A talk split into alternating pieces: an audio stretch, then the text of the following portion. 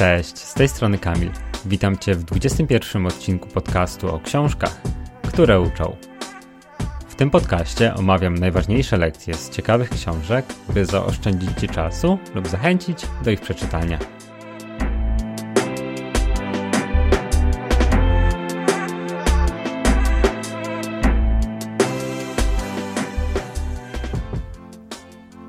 Czy ekscytują Cię nowe pomysły?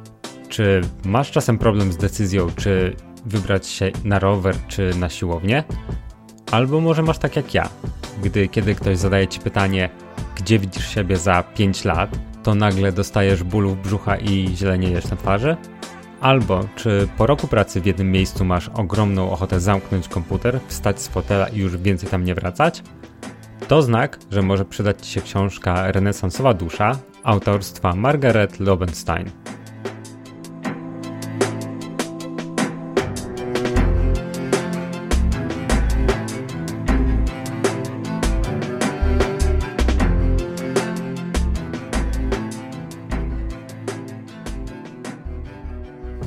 Ogóle taka nazwa? Przede wszystkim pochodzi ona od historycznego okresu renesansu.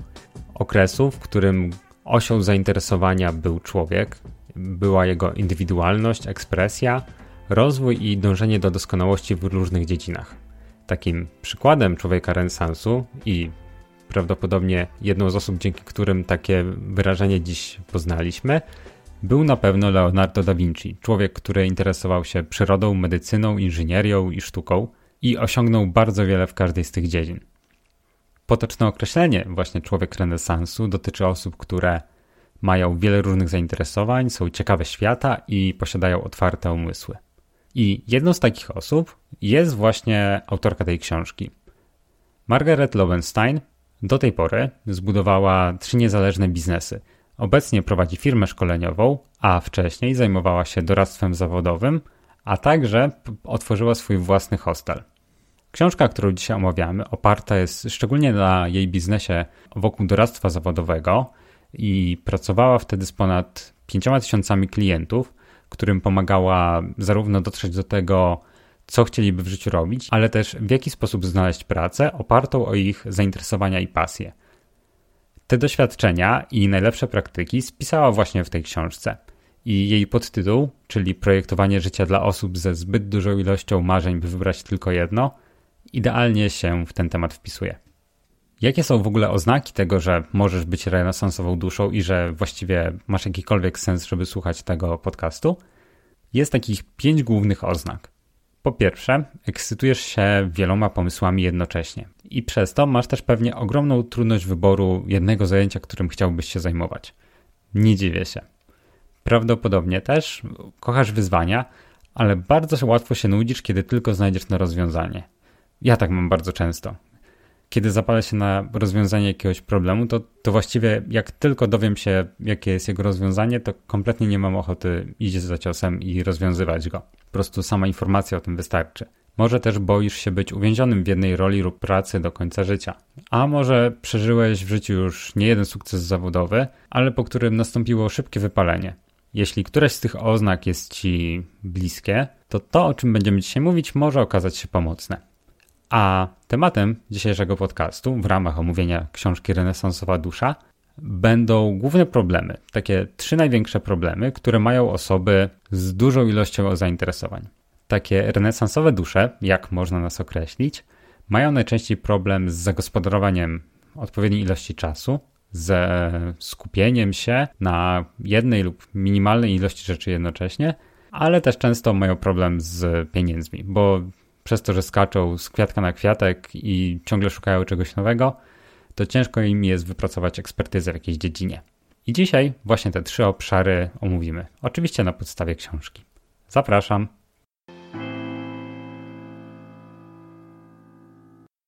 Pierwszym obszarem, z którym nie radzą sobie renesansowe dusze, jest skupienie. Obstawiam, że chciałbyś przestać rezygnować ze zobowiązań, projektów, planów czy marzeń – tylko jak wytrwać w realizacji tych celów. Szczególnie, że zawsze coś nam w tym przeszkadza. Najczęściej są to nowe zainteresowania, jakieś propozycje, które przychodzą do nas z zewnątrz, różne ciekawe pomysły, które się pojawiają, oraz trudności, które napotykamy w trakcie naszych działań. I te rzeczy są źródłem jednego głównego problemu. Otóż wybijają nas z ustalonej ścieżki, kiedy tylko zaczniemy się nimi zajmować. Skutek tego jest taki, że trudno wrócić wtedy do starego projektu, szczególnie, że wiąże to się z, najczęściej z zaczynaniem czegoś od nowa. Czasem, jeśli to było związane ze zmianą pracy, to wręcz nie możemy wrócić do, na stare miejsce. Więc co zrobić w takiej sytuacji? Jak temu zapobiegać? Otóż możesz zacząć od zadania sobie dość ważnego pytania. A dokładnie, czy to, czym chcesz się zająć, jest tak naprawdę ważne? I najlepsze w tym pytaniu jest to, że ma dwa bieguny. Z jednej strony ma bardzo prostą odpowiedź. Jak zadasz sobie pytanie, czy to jest ważne, możesz odpowiedzieć albo tak, albo nie. Bo coś jest ważne, albo nie jest ważne. Ale z drugiej strony ten wybór jest dość trudny. Musimy wybierać pomiędzy czasem spędzonym z dziećmi albo czasem spędzonym z żoną. Lub w sytuacji zawodowej możemy wybierać pomiędzy pracą z fajnymi ludźmi, a pracą nad ciekawym projektem. Nie zawsze te dwie rzeczy się zazębiają i czasem po prostu trzeba w którąś z nich wskoczyć. I kluczem do tego, żeby ułatwić sobie ten wybór, jest pierwszy punkt, którym się zajmiemy w ramach, w ramach skupienia, czyli poznanie siebie. Jeśli chodzi o poznanie siebie, to zastanów się przede wszystkim nad tym, jakie są w ogóle pobudki Twoich działań. Dlaczego nagle wskakujesz w jakieś projekty? Dlaczego zajmujesz się nowymi zainteresowaniami? Czy to są marzenia z dzieciństwa? Czy to są może jakieś aspiracje zawodowe czy prywatne, które siedzą ci teraz w głowie? Czy to jest może, nie wiem, chociażby chęć zaimponowania innym?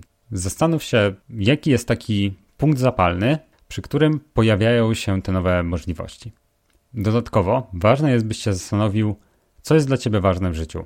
Wiem, że dużo osób o tym mówi i ten termin jest okropnie oklepany. Mimo wszystko wszyscy o tym mówią, bo jest to podstawa na dobrą sprawę jakichkolwiek działań, w które wchodzimy. Jeśli ważna jest dla nas rodzina, to, się, to będziemy spędzać czas z dziećmi, tak?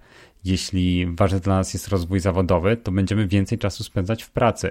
Jeśli ważne jest dla nas bezpieczeństwo finansowe, to będziemy oszczędzać lub będziemy starali się więcej zarabiać te ważne rzeczy, te wartości mogą być bardzo różne. Będą się różnić zależnie od tego, na jakim etapie życia jesteśmy, jak zostaliśmy wychowani i czym w ogóle się zajmujemy. Najlepiej wypisz sobie na kartce wszystkie takie rzeczy, czy to jest rodzina, czy to jest praca, czy to jest wiem, prowadzenie bloga, czy cokolwiek. Wypisz to wszystko na kartce, żeby po prostu zobaczyć to przed sobą i móc to wszystko objąć wzrokiem. Jeśli nie wiesz, jak się zabrać za, za ten wybór, lub nie wiem, to ćwiczenie jest dla ciebie trudne, to na blogu znajdziesz listę takich wartości. Zalinkuję tam do dwóch różnych blogów, z których łatwiej będzie ci prawdopodobnie jakieś przykładowe wybrać, niż wziąć je z głowy, i to powinno troszkę ułatwić pracę. Drugim elementem porządnego skupienia się na tym, co chcemy tak naprawdę robić, będzie zastanowienie się nad tym, jakie mamy możliwości. Bo skoro znamy siebie, znamy swoje wartości, to mamy już pewną podstawę. Ale wartości są właściwie tylko takim kluczem. Kluczem, który otwiera wiele drzwi. I jeśli otworzymy nim jedne, to okaże się, że za nimi może się pojawić 10 innych. Jeśli stwierdzimy, że nasze zdrowie jest dla nas ważne, to świetnie. Tylko teraz, jaki sport uprawiać, kiedy do wyboru mamy kilkadziesiąt? Oliwy do ognia dolewa jeszcze dodatkowo większa część świata, która często wymaga od nas wybrania jednej drogi i trzymania się jej do końca życia, albo osiągnania mistrzostwa w danej kwestii, którą już się zajmiemy. Tylko wcale tak być nie musi. Wcale nie musimy być mistrzami kolarskimi, żeby po prostu czuć się zdrowo i być zdrowymi ludźmi. Taki fajny przykład podaje Mirek Burnejko w swoim blogu. Możecie sprawdzić kanał Miroburn na YouTubie jego zdaniem w życiu potrzebne są przynajmniej trzy pasje. Jedna to będzie pasja, która daje ci pieniądze, druga to będzie pasja rozwijająca kreatywność, a trzecia to będzie pasja, która pomaga dbać o swoje ciało. I teraz powiesz, no okej, okay, a co jeśli mogę, moją kreatywność mogę rozwijać na przykład na różne sposoby? No bo mogę tworzyć wideo, co lubię, mogę fotografować, a mogę też pisać, bo bardzo lubię pisać opowieści. No i w tym miejscu Margaret ma dla Ciebie kolejne ćwiczenie. Polega na określeniu punktów skupienia. Chodzi przede wszystkim o ułatwienie sobie wyboru, bo no, Wiadomo, łatwiej się skupić na wykonywaniu czterech rzeczy spośród naszej puli zainteresowań niż na 40. Łatwiej jest wziąć się za bieganie i fotografię niż za 10 różnych sportów, fotografię, pisanie, tworzenie wideo itd. Tak I teraz, jakie kroki ma to ćwiczenie? Po pierwsze, zrób listę wszystkich swoich zainteresowań lub marzeń. Wiem, że prawdopodobnie jesteś teraz gdzieś w ruchu, może jedziesz samochodem, może biegasz, może spacerujesz, albo idziesz do pracy, więc zrób to na spokojnie, jak wrócisz do domu. Weź kartkę A4 i wypisz na niej wszystkie rzeczy, które chciałeś, chcesz lub możesz kiedyś mieć chęć zrobić w swoim życiu. Następnie, kiedy masz już tą listę, wybierz z niej cztery. Ale dobra, tylko cztery? Jakby, jak mam wybrać tylko cztery zainteresowania, skoro ja chcę zająć się tym wszystkim, tak? Ja chcę biegać, jeździć na rowerze i pływać. I nie ma się czego bać. Dla większości z nas rozumiem, że wybór oznacza stratę czegoś innego. Tak wcale nie musi być. Przynajmniej nie na zawsze. W swojej książce Margaret podaje bardzo fajny przykład. Wyobraź sobie, że wchodzisz do lodziarni. Otwierasz drzwi, słyszysz dzwoneczek, a za lodówką już czeka na ciebie pani, gotowa nałożyć ci twoje ulubione smaki lodów. I przed tobą jest lodówka z 30 różnymi smakami lodów. I teraz, jeśli ta pani kazałaby ci wybrać jeden ze smaków, który będziesz jadł do końca życia, to prawdopodobnie wcześniej umrzesz niż podejmiesz decyzję. Naprawdę trudno jest wybrać jeden smak, kiedy masz tak szeroki wybór. Jeśli z drugiej strony zaproponuję ci nałożenie każdego ze smaków, to będzie zbyt dużo. No, chyba, że masz naprawdę bardzo pojemny żołądek, ale ten element wykluczamy. Rzeczywistość wygląda jednak troszkę inaczej. Ekspedientka widzi, że nie za bardzo możesz się zdecydować, więc proponuje ci wybór czterech. Ale zapytasz, dobra, jak to niby pomaga w wyborze? W jaki sposób mam się ograniczyć tylko do czterech? Przecież chcę spróbować wszystkich. I odpowiedź jest dość prosta. Przecież możesz na drugi dzień wrócić tam jeszcze raz i spróbować czterech innych smaków. Możesz testować różne połączenia, bazując na tym, czego się już dowiedziałeś. Możesz niektóre smaki zostawiać, albo możesz wybrać coś całkiem nowego, jeśli masz tylko ochotę. Możliwe, że prędzej czy później znajdziesz swój ulubiony zestaw i przy nim zostaniesz, ale nie musisz czuć tego ograniczenia. Za każdym razem, kiedy wchodzisz do lodziarni, nikt ci nie każe, żebyś zawsze wybierał cztery te same smaki. I dokładnie tak samo jest w naszym życiu. To, że wybieramy, żeby pracować w jakiejś firmie, to nie znaczy, że musimy tam być do końca życia.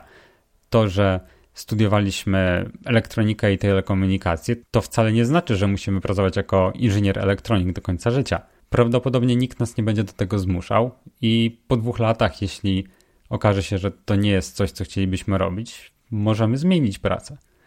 Także teraz z tej całej listy wszystkich zainteresowań, które wypisałeś, wybierz tą magiczną czwórkę. Ale pamiętaj, to są rzeczy, którymi chcesz się skupić teraz. Nie na zawsze, ale teraz. Te, którymi najbardziej chciałbyś się zająć. Jeśli słuchasz tego nagrania drugi raz, to teraz wybierz sobie tą magiczną czwórkę. Gotowe? Okay, w takim razie, skoro już się umordowałeś przy tym wyborze, to pewnie chciałbyś to robić jak najrzadziej. Domyślam się. To, to, to, to, to nigdy nie jest przyjemność, kiedy trzeba coś wybrać, a resztę odrzucić. Chociaż tak naprawdę, pamiętaj, nie odrzucasz tego. Ale jak już się umordowałeś, to pewnie chciałbyś to robić jak najrzadziej. Co w takim razie możesz zrobić dodatkowo nad tymi czterema punktami skupienia, żeby upewnić się, że wytrwasz w nich możliwie najdłużej i bez jakichś zbędnych problemów, okazuje się, że są sposoby na to, żeby zwiększyć prawdopodobieństwo tego, że pozostaniesz na drodze, na drodze do celu i unikniesz przede wszystkim wątpliwości, bo to przez wątpliwości właśnie większość z nas rezygnuje z tego, co sobie założyło. Teraz mam dla Ciebie kolejne ćwiczenie wzięte z książki Margaret, które pomoże Ci upewnić się, że to, co przed chwilą wybrałeś, jest czymś, czym faktycznie chcesz się zajmować. Tym ćwiczeniem jest prosty test, który się nazywa z angielskiego PRISM i jest to akronim od słów price, czyli koszty, reality, czyli rzeczywistość, integrity, czyli integralność, specificity, czyli specyficzność i measurability, czyli mierzalność. I mówię o nim teraz, by pomóc Ci właśnie w wyznaczeniu celów. I domyślam się też, że te słowa mogą dla niektórych brzmieć okropnie. Wyznaczanie celów raczej nie wiąże się z niczym przyjemnym i, i zwykle pewnie masz z tym duże problemy.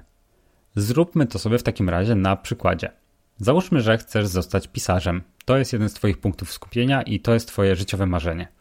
Co zrobimy jako pierwsze, jeszcze zanim przystąpimy do testu, to hmm, jest wiele wymiarów pisarstwa.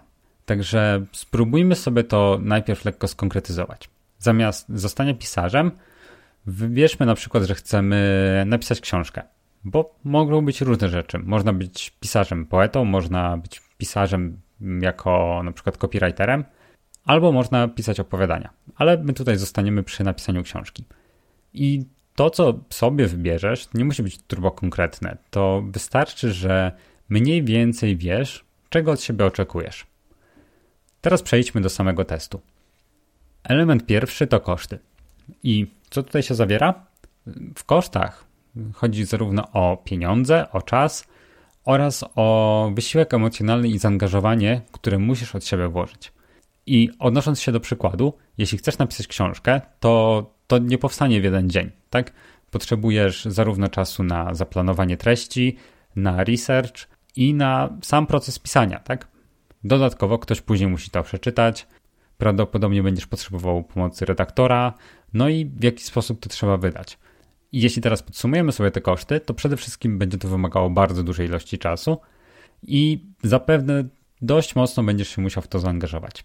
Jeśli chodzi o pieniądze, to w momencie, jeśli chcemy to wydawać, to może dopiero będą faktycznie potrzebne. Samo napisanie książki nie musi się wiązać z żadnym wydatkiem. Jeśli kojarzysz taką pozycję jak Marsjanin, książkę na podstawie której powstał film, to jej autor początkowo wypuścił ją w formie darmowego e-booka. Nie planował w ogóle w żaden sposób na tym zarabiać. Dopiero sami czytelnicy poprosili go, żeby najpierw wrzucił ją na Amazona, żeby mogli ją ściągać sobie na Kindle, no ale żeby wrzucić ją na Amazona, musiał ustawić jakąś cenę. Tam minimalną ceną było chyba 1 dolar, z tego co pamiętam. No i jak już tam wrócił, to coraz więcej ludzi zaczęło ją kupować, była jej nadana jakaś cena. Ludzie zaczęli się domagać jej w formie drukowanej. I tak dopiero ona trafiła do obiegu i stała się jeszcze bardziej popularna. Także widzisz, samo napisanie książki wcale się nie musi wiązać z kosztami, ale tu się zabiegałem trochę. E, wróćmy do testu. Drugim punktem jest przepuszczenie naszego celu przez filtr rzeczywistości. Tutaj zastanów się, czy to, co będziesz robić w trakcie dążenia do tego celu, będzie Ci się faktycznie podobać. Wracając do przykładu książki, tutaj prawdopodobnie będzie się to wiązało z robieniem gruntownego researchu, z planowaniem fabuły, być może z zastanowieniem się, jak będą wyglądać bohaterowie. I sama praca twórcza to raczej nie będzie chodzenie na imprezy i rozmawianie o niej przy piwie, chociaż to może być jakaś część, ale w większości będzie się to wiązać z siedzeniem w samotności i po prostu rzeźbieniem tego. Czyli czy ta codzienność, która jest wymagana, to jest coś, czego tak naprawdę chcesz? Jeśli nie, nie umiesz tego ocenić, to spróbuj wyobrazić sobie siebie w tej sytuacji. Jak się wtedy czujesz? Jakie myśli przychodzą ci w związku z tym? Czy to napawa cię ekscytacją, czy może wręcz przeciwnie? Czy to wprawia cię w taki nastrój trochę depresyjny i tak naprawdę nie masz ochoty tego robić. I nad tym się dobrze zastanów, bo to jest coś, do czego robienia się faktycznie deklarujesz. Oczywiście nie przez całe życie, ale czy w ogóle masz ochotę to testować? Trzeci filtr to integralność. Czyli teraz yy, wróćmy troszkę do ćwiczenia pierwszego, kiedy wyznaczaliśmy sobie wartości. Przy tym filtrze zastanów się, czy to, co chcesz zrobić, jest zgodne z Twoimi wartościami. Czy to w jakiś sposób zaspokaja Twoje potrzeby? Czy Cię to kręci? W kontekście książki, jeśli na przykład ważnym dla Ciebie jest zapewnianie innym rozrywki, no to może chcesz napisać jakąś lekką książkę w klimacie komediowym. Może ważne dla Ciebie jest przekazywanie swojej historii, jakichś ponadczasowych wartości i właśnie to byś chciał w niej umieścić. Może samym celem w ogóle jest bycie sławnym pisarzem, może chcesz być jak Stephen King albo nie wiem, Haruki Murakami, czy ktokolwiek inny. Może właśnie napawa cię taką dumą i oczy ci się zapalają, kiedy wyobrażasz sobie, że widzisz swoje dzieła po prostu poustawiane na półkach w Empiku czy matrasie. Może to właśnie o to chodzi i to jest coś super, nie ma w tym nic złego. Może po prostu ważny jest dla ciebie sam proces tworzenia. Może jesteś dobry w pisaniu i chciałbyś po prostu robić to codziennie i najchętniej przez jak najdłuższy czas. Każda z tych motywacji jest super, jeśli wychodzi prosto z ciebie. Także zastanów się, czy to, co faktycznie masz zamiar wyprodukować i to, co chcesz robić, jest zgodne z tym, co jest dla ciebie ważne. Bo jeśli ważna jest dla ciebie rodzina, to prawdopodobnie pisanie książki odbędzie się przynajmniej w jakimś stopniu jej kosztem. Filtr czwarty to specyficzność. Tutaj zastanów się, o jakim rezultacie marzysz, albo jak zmieni się Twoja codzienność, kiedy już dojdziesz do tego etapu. Chodzi tutaj o nadanie takich wstępnych ram, i oczywiście one mogą się zmienić w trakcie dążenia do, do celu, to normalne. Warto jednak określić, do czego dążysz, bo wtedy wiesz przede wszystkim od czego zacząć i wiesz także, jak się to skończy. Znikają w ten sposób wszelkie niepewności i masz mniejszą lub większą pewność, jak się potoczy Twoje życie. Znaczy, wiadomo, odnosząc to do książki, niekoniecznie musi być tak, że nagle się staniesz sławnym pisarzem, ale pomyśl sobie o sobie teraz, a także powiedzmy o sobie za pół roku, jak zmieniłoby się Twoje życie, jeśli przez te pół roku napisałbyś książkę. Wydał ją i okazało się, że jest bardzo chętnie czytana. Co by się zmieniło i czy to jest coś, do czego faktycznie chcesz dążyć? Ten efekt, który zamierzasz osiągnąć, będzie właśnie taką definicją pewnego sukcesu i wykonania zamierzonego planu. Ostatnim elementem, ostatnim filtrem jest mierzalność. Zastanów się, w jakim czasie chcesz to zacząć oraz w jakim czasie chcesz to osiągnąć. I teraz pewnie powiesz, ok, ale ja nie znoszę konkretnych dat, nienawidzę się ograniczać, nie lubię jak ktoś stoi nade mną z kalendarzem i mi pokazuje, że o, już zostały ci tylko dwa tygodnie do deadline'u. I spokojnie, tu chodzi bardziej o określenie, jakiego minimalnego czasu potrzebujesz na przetestowanie tego pomysłu. Ile czasu potrzebujesz ogólnie? Czy to będzie 100 godzin, 200 czy 800? A później ile czasu w tygodniu potrzebujesz na to poświęcić. Na przykład, jeśli chodzi o bieganie, ciężko jest określić, czy potrzebujesz 350 czy 550 godzin treningów, żeby przebiec maraton. Częściej będziesz to mierzyć miesiącami czy latami. Na przykład potrzebuję roku regularnych treningów 3 razy w tygodniu, żeby przebiec maraton. I dla każdego, wiadomo, będzie to wyglądać indywidualnie. Tak samo jeśli chodzi o napisanie książki.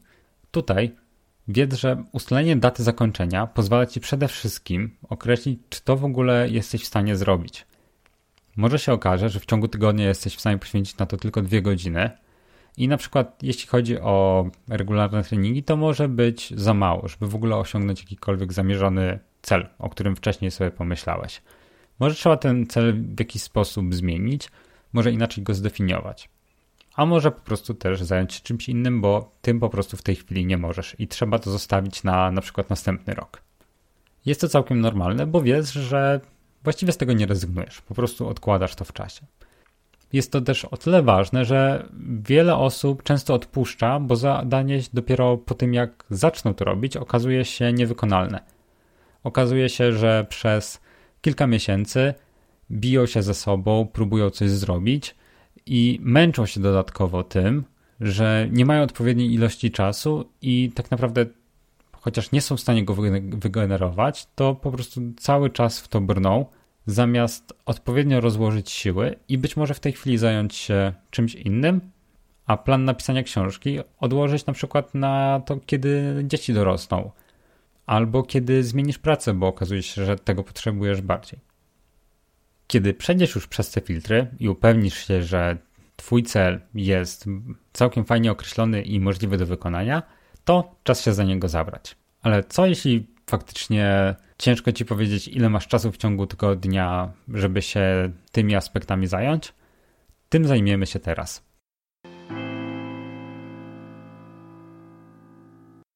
Obszar drugi to czas. Z tej okazji odpowiemy sobie na jedno bardzo istotne pytanie, czyli jak zorganizować czas wokół różnorodnych zainteresowań, bo masz już punkty skupienia. I co dalej? Teraz zastanów się przede wszystkim, jak wygląda u Ciebie rytm zmian. Czy nowe pomysły i idee pojawiają się co tydzień, codziennie, raz w miesiącu? Jak często przeskakujesz pomiędzy różnymi zainteresowaniami? Jest to całkiem normalne i renesansowe dusze mają to po prostu częściej, ale każdy z człowiek ma coś takiego, że jego wartości, potrzeby i przekonania będą się różnić zależnie od tego, na jakim etapie w życiu jest. Dlatego przede wszystkim zastanów się, jakimi wartościami żyjesz teraz, co chciałbyś osiągnąć w tej chwili, bo w trakcie życia priorytety będą się zmieniać. Inne rzeczy są dla nas ważne, kiedy jesteśmy dzieckiem, inne, kiedy jesteś uczniem albo kiedy jesteś studentem. Wtedy marzysz przede wszystkim o tym, żeby właśnie najpierw iść na studia, później po studiach iść do pracy, a całkiem inne priorytety masz, kiedy jesteś rodzicem i głównie skupiasz się na tym, żeby rozwinąć w jakiś sposób karierę zawodową, ale jednocześnie utrzymać rodzinę i spędzać z nią najwięcej czasu. Niezależnie od tego, w jakiej roli się teraz znajdujesz, zastanów się, co jest dla ciebie teraz ważne i jakie obszary Twojego życia potrzebują najbardziej Twojej uwagi. Żeby trochę Ci w tym pomóc, mam takie zadanie. Najpierw zrobimy sobie jedno ćwiczenie, a później troszkę się zabawimy w planowanie. Czyli tak, najpierw sprawdź, jakim czasem dysponujesz. Przede wszystkim wypisz wszystkie swoje zajęcia, które robisz w ciągu tygodnia. Zarówno spanie, dojazdy, praca, zakupy, czas poświęcony na zajmowanie się dziećmi i tak dalej. Po prostu wszystko, wszystko czym się zajmujesz. Teraz pomyśl sobie w ten sposób. Tydzień ma 168 godzin. Jeśli ponad 50 godzin spędzasz na sen, drugie 50 na pracę, a do tego dochodzą jeszcze inne elementy, to zobacz, ile czasu ci zostało. Jeśli od 168 godzin odejmiesz to, co na pewno wykorzystujesz. Okazuje się zapewne, że zostało ci, nie wiem, jakieś, obstawiam, 40, 30, 20 godzin w ciągu tygodnia, które możesz zagospodarować. I to jest super, bo wiesz teraz, w jakim miejscu się znajdujesz i ile czasu możesz poświęcić na dodatkowe zainteresowania w kierunku, których chcesz się rozwijać. Ten czas podziel pomiędzy swoje punkty skupienia. I jeśli z nich jest praca, którą teraz wykonujesz i to jest Twoja pasja, no to super.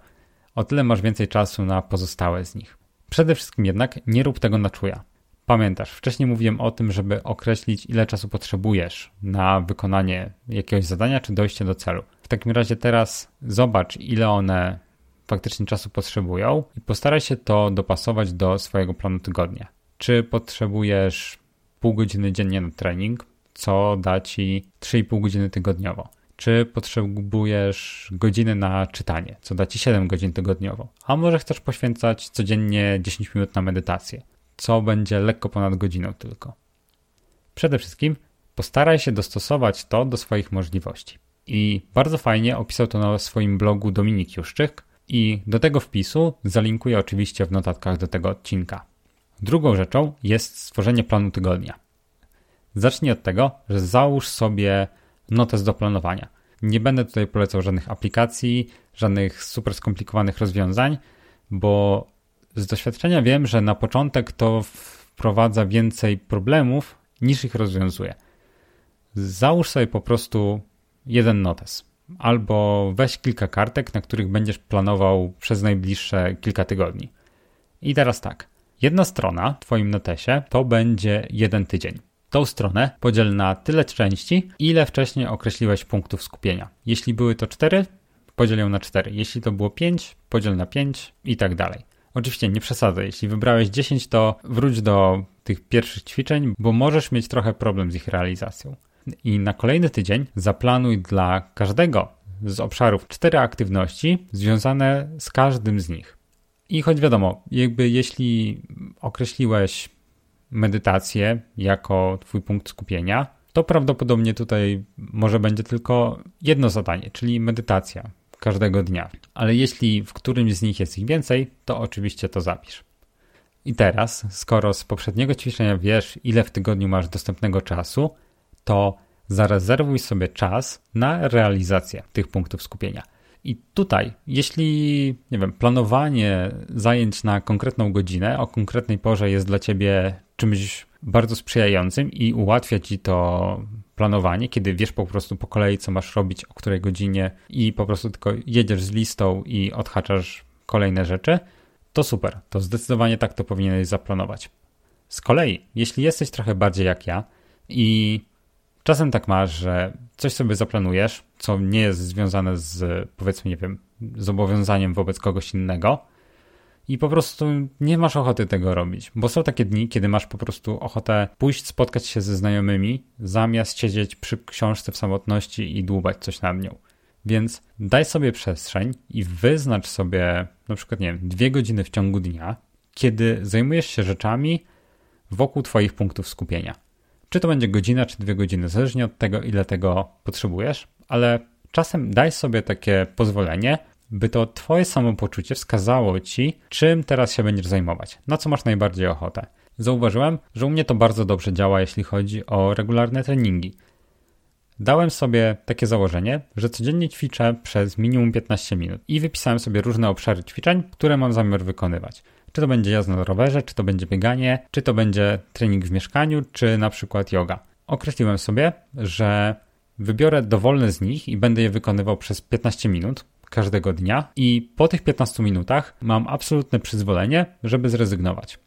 Efekt tego jest raczej taki, że jak już pójdę na rower i pojeżdżę 15 minut, to zwykle jakoś tak nie chce mi się od razu wracać do mieszkania, więc to przedłużę do pół godziny, czasem do godziny, a czasem nawet do dwóch, jeśli mam akurat ku temu przestrzeń. I to jest super, bo to właśnie daje mi taką elastyczność i możliwość dostosowania tego, co będę robił, do tego, jak się w danym momencie czuję.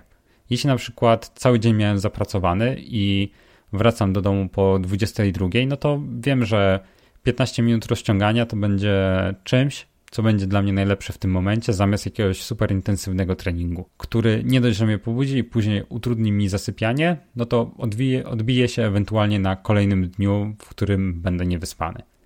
Ale to działa oczywiście u mnie i może u Ciebie działa kompletnie coś innego. Może właśnie poświęcenie jednemu sportowi będzie czymś, co da Ci pewien wyznacznik sukcesu.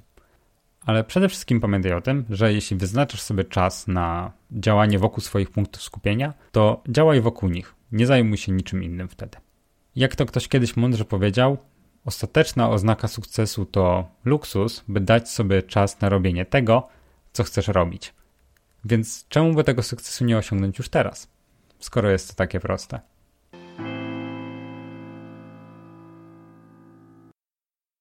Trzecim obszarem które omówimy, są pieniądze, czyli jak połączyć pasję ze źródłem dochodu. Najpierw zastanówmy się w ogóle na tym, dlaczego ktoś miałby ci płacić za cokolwiek, za wykonywanie jakiegokolwiek działania.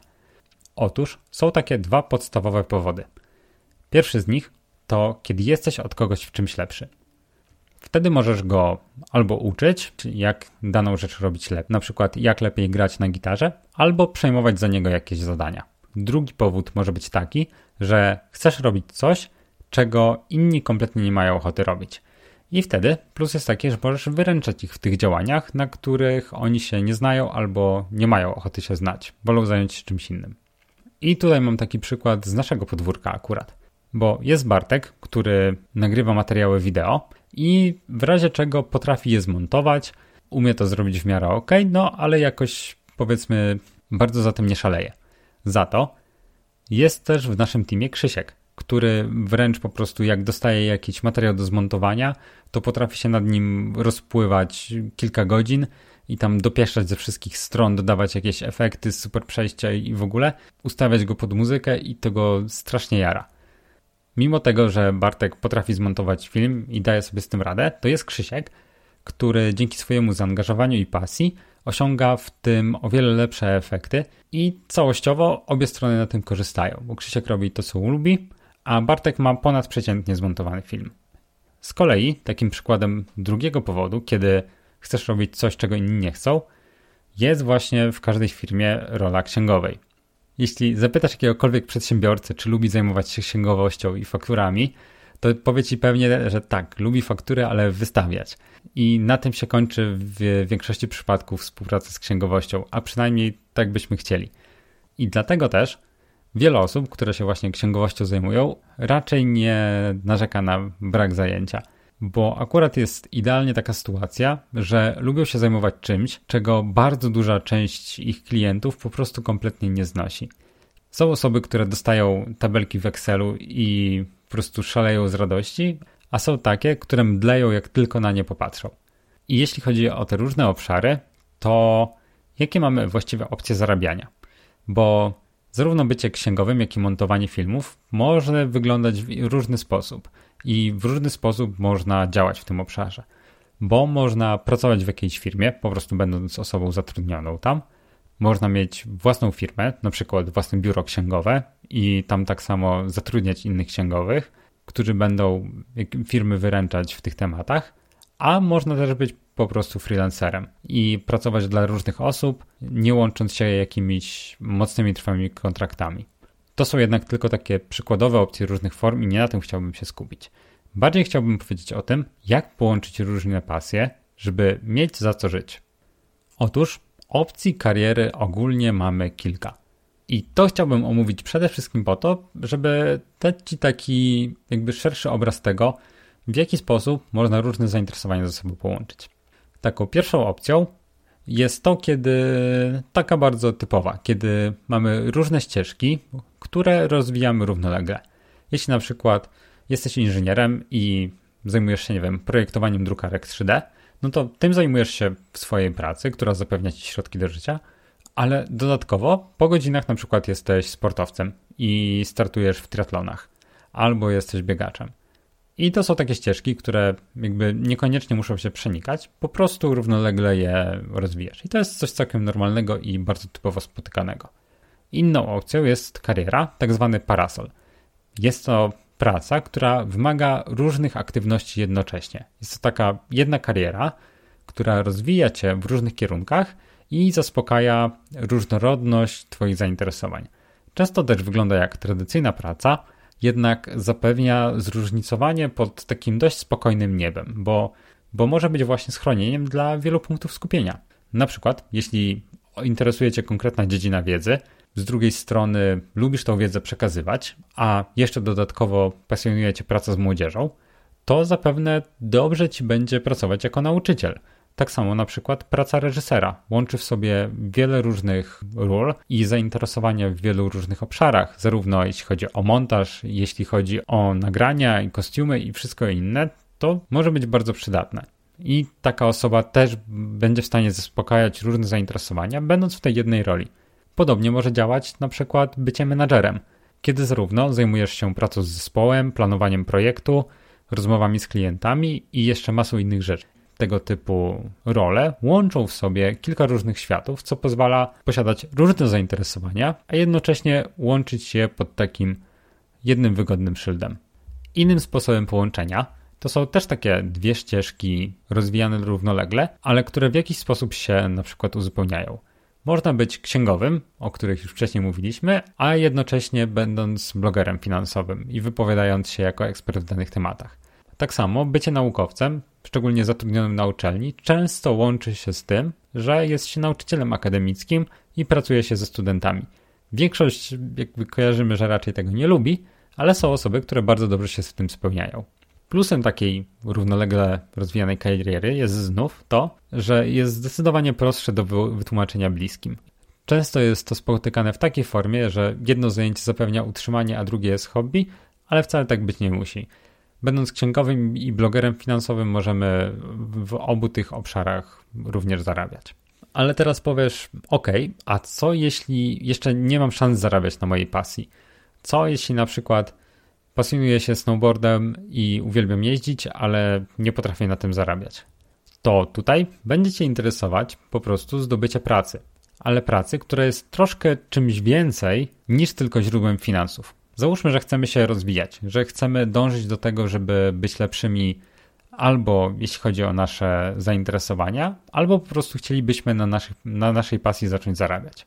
Więc taka praca musi być trochę czymś więcej. Margaret proponuje, żeby to była płatna praca, która, choć nie jest Twoją pasją, to zapewnia po pierwsze potrzebne środki, które zapewnią Ci utrzymanie, ale także dostęp do dodatkowych narzędzi, czyli będzie to praca, która Cię wspiera w rozwoju.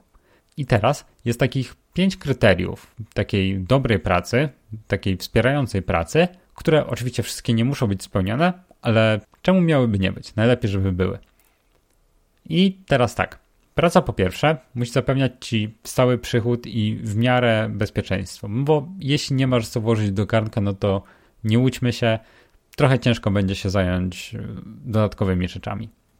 Po drugie, taka praca może zapewniać ci oderwanie od innych zajęć i wyrównanie poziomu energii. Na przykład, jeśli jesteś pisarzem i spędzasz długie godziny w samotności, dłubiąc nad swoim dziełem, to może na przykład interesująca będzie dla Ciebie praca w dziale obsługi klienta, gdzie ciągle masz z kimś interakcję, z jakimiś ludźmi i to może ci rekompensować samotność bycia pisarzem.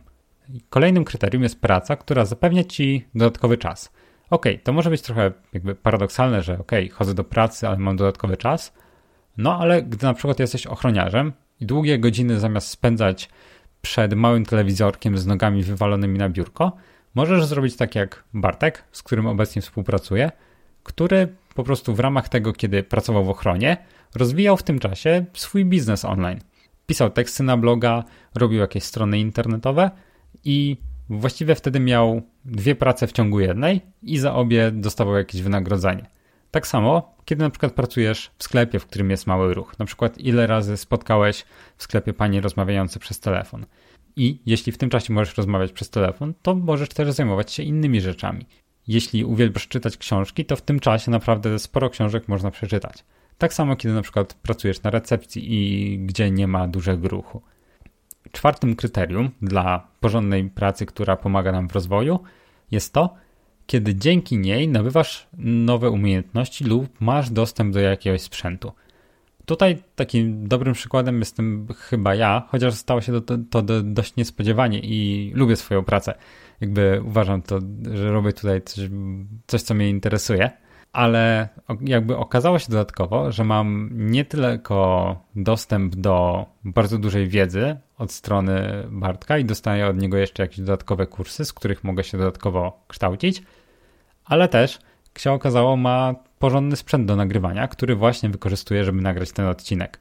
Piątym kryterium będzie to, kiedy w tej pracy albo dzięki niej poznajesz ludzi z branży i dzięki temu zbierasz grono kontaktów oraz dajesz się lepiej poznać.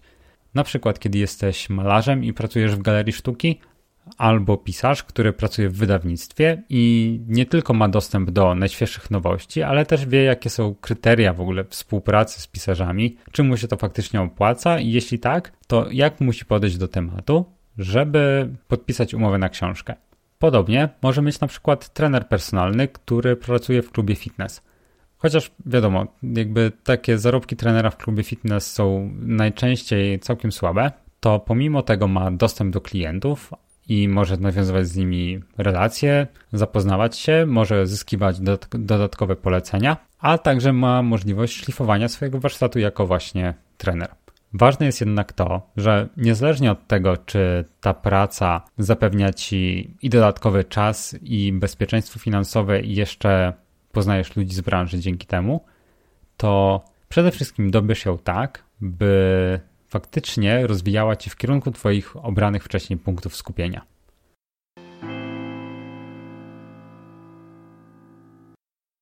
Podsumowując, rozmawialiśmy dzisiaj o książce Renesansowa Dusza autorstwa Margaret Lobenstein i najważniejsze, co właśnie Margaret w swojej książce porusza, to to, jak zaprojektować swoje życie, jak je zaplanować, jak wybrać odpowiednie zainteresowania, jak zdecydować, czym się zająć najpierw oraz jak zaprojektować swoje życie, jeśli masz zbyt wiele pasji, by wybrać tylko jedną.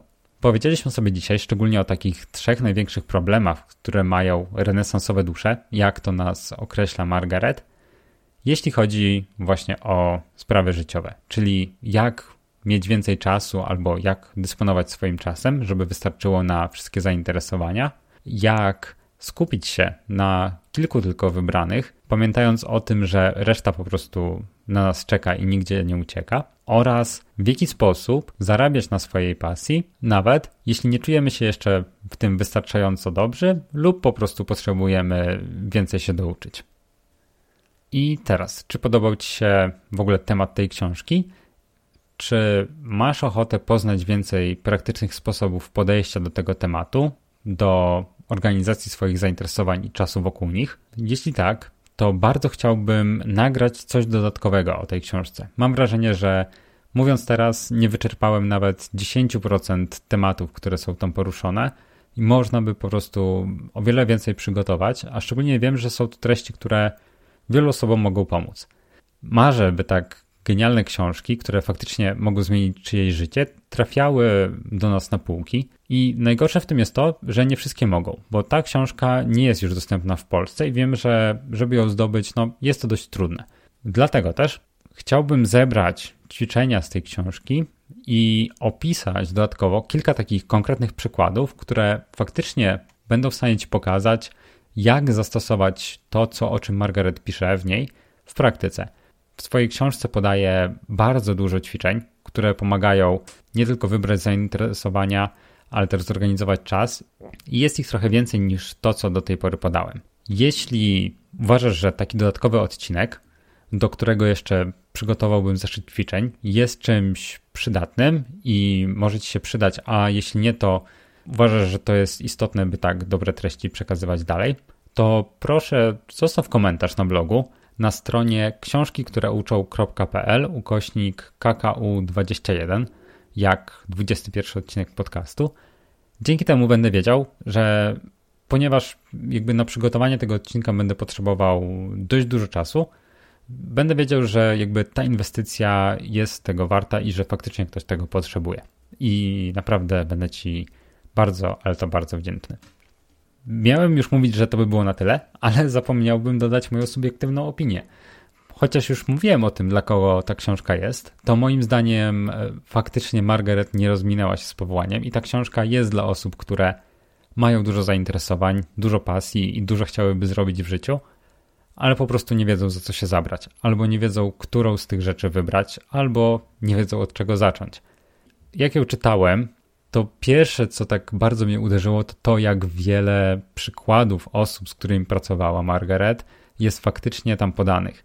To bardzo w ogóle trafia do czytelnika yy, i do mnie właśnie jako do czytelnika trafiło, kiedy widziałem to, że jakby to nie tylko ja mam takie problemy, tylko jest ogrom ludzi, którzy sobie z tym radzą, dają radę, są w stanie to ogarnąć, więc jakby od razu też poczułem, że okej, okay, czyli ja też tak mogę zrobić i właściwie wręcz bezpośrednio czerpałem z nich, e, z tych historii inspirację. I to było świetne. I dlatego, jeśli masz możliwość gdzieś zdobycia tej książki, po polsku będzie to pewnie trudne, ale po angielsku da się ją kupić na Amazonie. E, nie jest już w tej wersji, którą ja czytałem, tylko w nowszej, ale myślę, że treść jakoś specjalnie się pewnie nie zmieniła. To zdecydowanie zachęcam. Jest to na pewno jedna z lektur, które uważam za bardziej wartościowe i bardzo bym chciał, żeby wszystkie osoby, które potrzebują takiej wiedzy, żeby miały do niej dostęp. Myślę natomiast, że ta książka nie spodoba się osobom, które właściwie potrzebują na przykład konkretnych e, badań naukowych albo odwołań do tego typu dowodów, bo w tej książce ich nie ma. Po prostu kompletnie. Jest za to masa historii osób, więc jeśli lubisz e, uczyć się na bazie doświadczeń innych i lubisz czytać historie innych osób, to będzie zdecydowanie dla ciebie. To nie będzie też książka, a właściwie nie jest też książka dla osób, które wiedzą, co chcą robić w życiu i po prostu do tego dążą. Jeśli po prostu masz już ustaloną ścieżkę, a jak nie, no to wiesz, w którą stronę skręcić i tak dalej, nie masz problemu z takim podejmowaniem decyzji, to inwestycja czasów w jej przeczytanie będzie nieuzasadniona po prostu. No i cóż, to by było na tyle. Dziękuję Ci bardzo za wysłuchanie tego odcinka. Dziękuję, że ze mną byłeś. I teraz nie będę mówił, że do usłyszenia za dwa tygodnie, bo ostatnio coraz bardziej mi to nie wychodzi. I po prostu powiem, że do usłyszenia, mam nadzieję, już niedługo w kolejnym odcinku. I nie, nie zapomnij o zostawieniu komentarza na blogu, jeśli uważasz, że ta książka i informacje w niej zawarte mogą się komuś przydać. Oczywiście możesz się ze mną też skontaktować y, przez maila kamilmałpa książki, które uczą.pl. Bardzo dziękuję za wiadomości, które mi wysyłacie i oczywiście jeśli Twoja aplikacja, w której słuchasz tego podcastu umożliwia zostawienie oceny lub komentarza, to tego typu wsparcie umożliwi mi dotarcie z tym przekazem do jeszcze większej ilości osób i za tą pomoc będę również bardzo wdzięczny. I teraz autentycznie to by było na tyle. Dziękuję Ci raz jeszcze i do usłyszenia już niebawem.